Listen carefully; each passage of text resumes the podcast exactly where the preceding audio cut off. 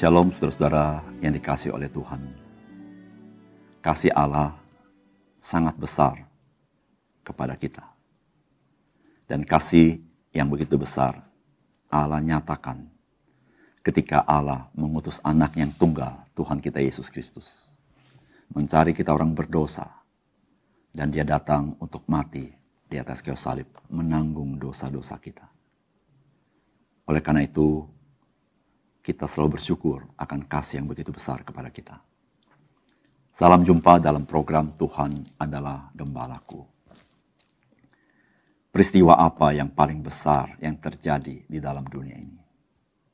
Setiap orang bisa mengatakan sesuai dengan seleranya, sesuai dengan preferensinya. Namun peristiwa yang terbesar yang tidak dapat dilakukan oleh manusia dalam seluruh sejarah bahkan sampai akan datang, yaitu peristiwa Yesus Kristus mati di atas kayu salib. Karena apa yang Yesus lakukan, dia lakukan bagi manusia dalam setiap zaman, dari zaman dahulu sampai zaman akan datang, sampai akhir zaman. Tidak seorang manusia yang dapat melakukan seperti apa yang Yesus lakukan. Karena hanya Yesus yang dapat menanggung dosa-dosa umat manusia. Karena dia adalah anak Allah dan anak manusia. Dia yang kudus dan yang benar itu. Sehingga hanya dia yang dapat menanggung dosa dan ketidakbenaran kita. Saudara-saudara, inilah yang akan kita renungkan dari firman Tuhan di dalam Matius pasal 27 ayat 45 sampai 56. Mulai dari jam 12 kegelapan meliputi seluruh daerah itu sampai jam 3. Kira-kira jam 3 berserulah Yesus dengan suara nyaring, Eli, Eli lama sabatani. Artinya, Allahku, Allahku, mengapa engkau meninggalkan aku? Mendengar itu, beberapa orang yang berdiri di situ berkata, ia memanggil Elia.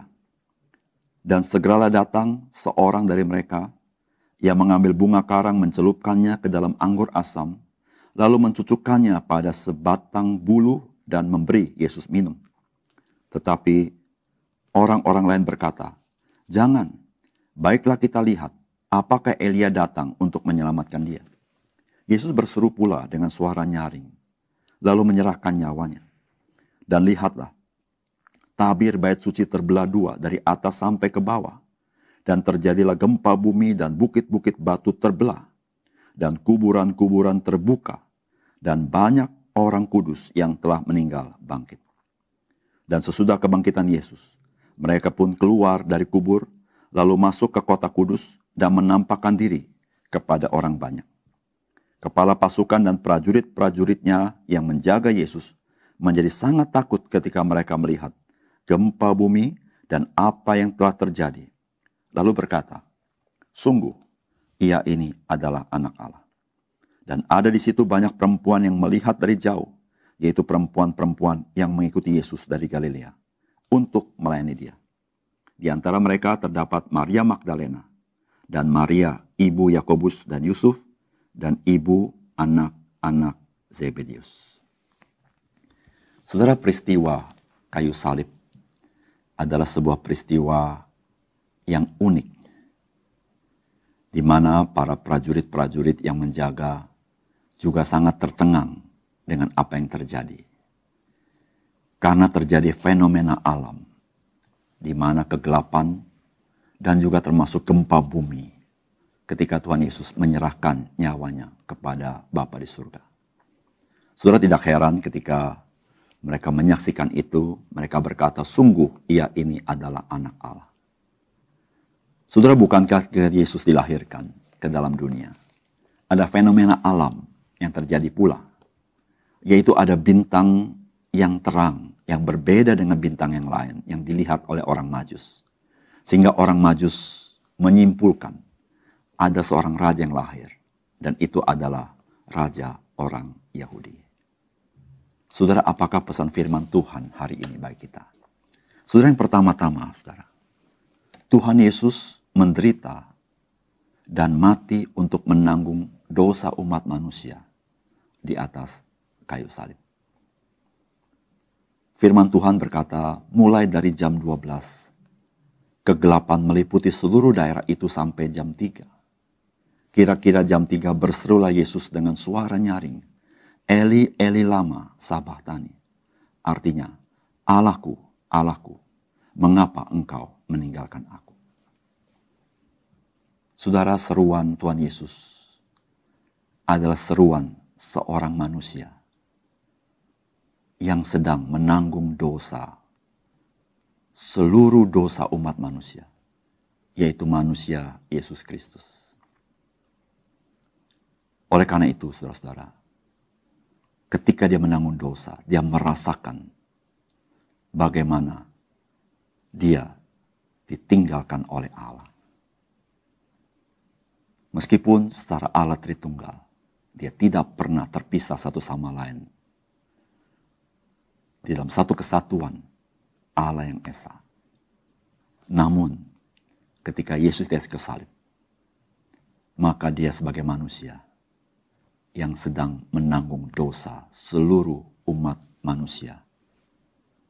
Saudara, inilah penderitaan yang sangat besar yang dialami oleh Tuhan Yesus. Yang disebut di dalam pergumulan Taman Getsemani sebagai cawan yang diharus tanggung. Penderitaan fisik pastilah dia alami sebagai penderitaan yang menyakitkan. Tetapi penderitaan yang paling besar adalah yaitu ketika dia menanggung dosa seluruh umat manusia. Dan dia melakukannya dengan kerelaan. Saudara, bukankah itu yang dialami oleh orang-orang berdosa? Ketika mereka hidup dalam dosa, maka mereka sebenarnya jauh daripada Tuhan dosa manusia memisahkan manusia dari Allah. Dan ketika dosa itu tidak diampuni, maka manusia selama-lamanya terpisah daripada Allah. Dan itulah maut yang bersifat kekal. Saudara yang kasih dalam Tuhan, siapa pun kita, tidak ada seorang pun di antara kita yang tidak berdosa. Semua kita orang berdosa. Tetapi apakah saudara adalah orang yang berbahagia? Karena dosa saudara diampuni ketika saudara percaya kepada Tuhan Yesus. Karena dia menanggung dosa saudara dan dosa saya. Saudara marilah kita membuka hati. Menerima kasih Tuhan yang begitu besar. Yaitu pengampunan dosa. Oleh darahnya dosa saudara disucikan. Dan saudara menjadi anak-anak Allah. Dan memperoleh hidup yang kekal. Karena Kristus melalui salib menanggung dosa-dosa kita. Yang kedua, saudara-saudara, saudara kematian Yesus Kristus di atas kayu salib membuka pintu perdamaian antara manusia dengan Allah. Firman Tuhan berkata, Yesus berseru pula dengan suara nyaring lalu menyerahkan nyawanya. Dan lihatlah, tabir bait suci terbelah dua dari atas sampai ke bawah. Dan terjadilah gempa bumi dan bukit-bukit batu terbelah. Saudara tabir bait suci adalah tabir yang memisahkan antara pelataran dengan tempat maha kudus dan tempat kudus. Sehingga manusia tidak bisa melihat ke dalam. Dan setahun sekali imam besarlah yang boleh masuk ke dalamnya dengan membawa kurban untuk dirinya dan membawa kurban bagi umat Tuhan. Tapi saudara-saudara, Ketika Yesus mati ke salib, menyerahkan nyawanya kepada Bapa di surga, maka tabir itu terbelah dua dari atas sampai ke bawah. Sehingga manusia bisa melihat ke dalam, ke tempat kudus dan tempat maha kudus. Saudara di sini memberitahukan kepada kita, di awalnya manusia berdosa tidak bisa berinteraksi dengan Allah, karena Allah maha suci. Tetapi di dalam Yesus, maka pintu perdamaian telah terbuka oleh karena itu barang siapa percaya kepada Yesus, dia mengalami relasi yang intim dengan Tuhan. Sehingga dia boleh mengalami kasih dan kemurahan Tuhan. Saudara, sudahkah saudara diperdamaikan dengan Tuhan? Ketika saudara percaya kepada Tuhan Yesus, maka saudara diperdamaikan dengan Allah.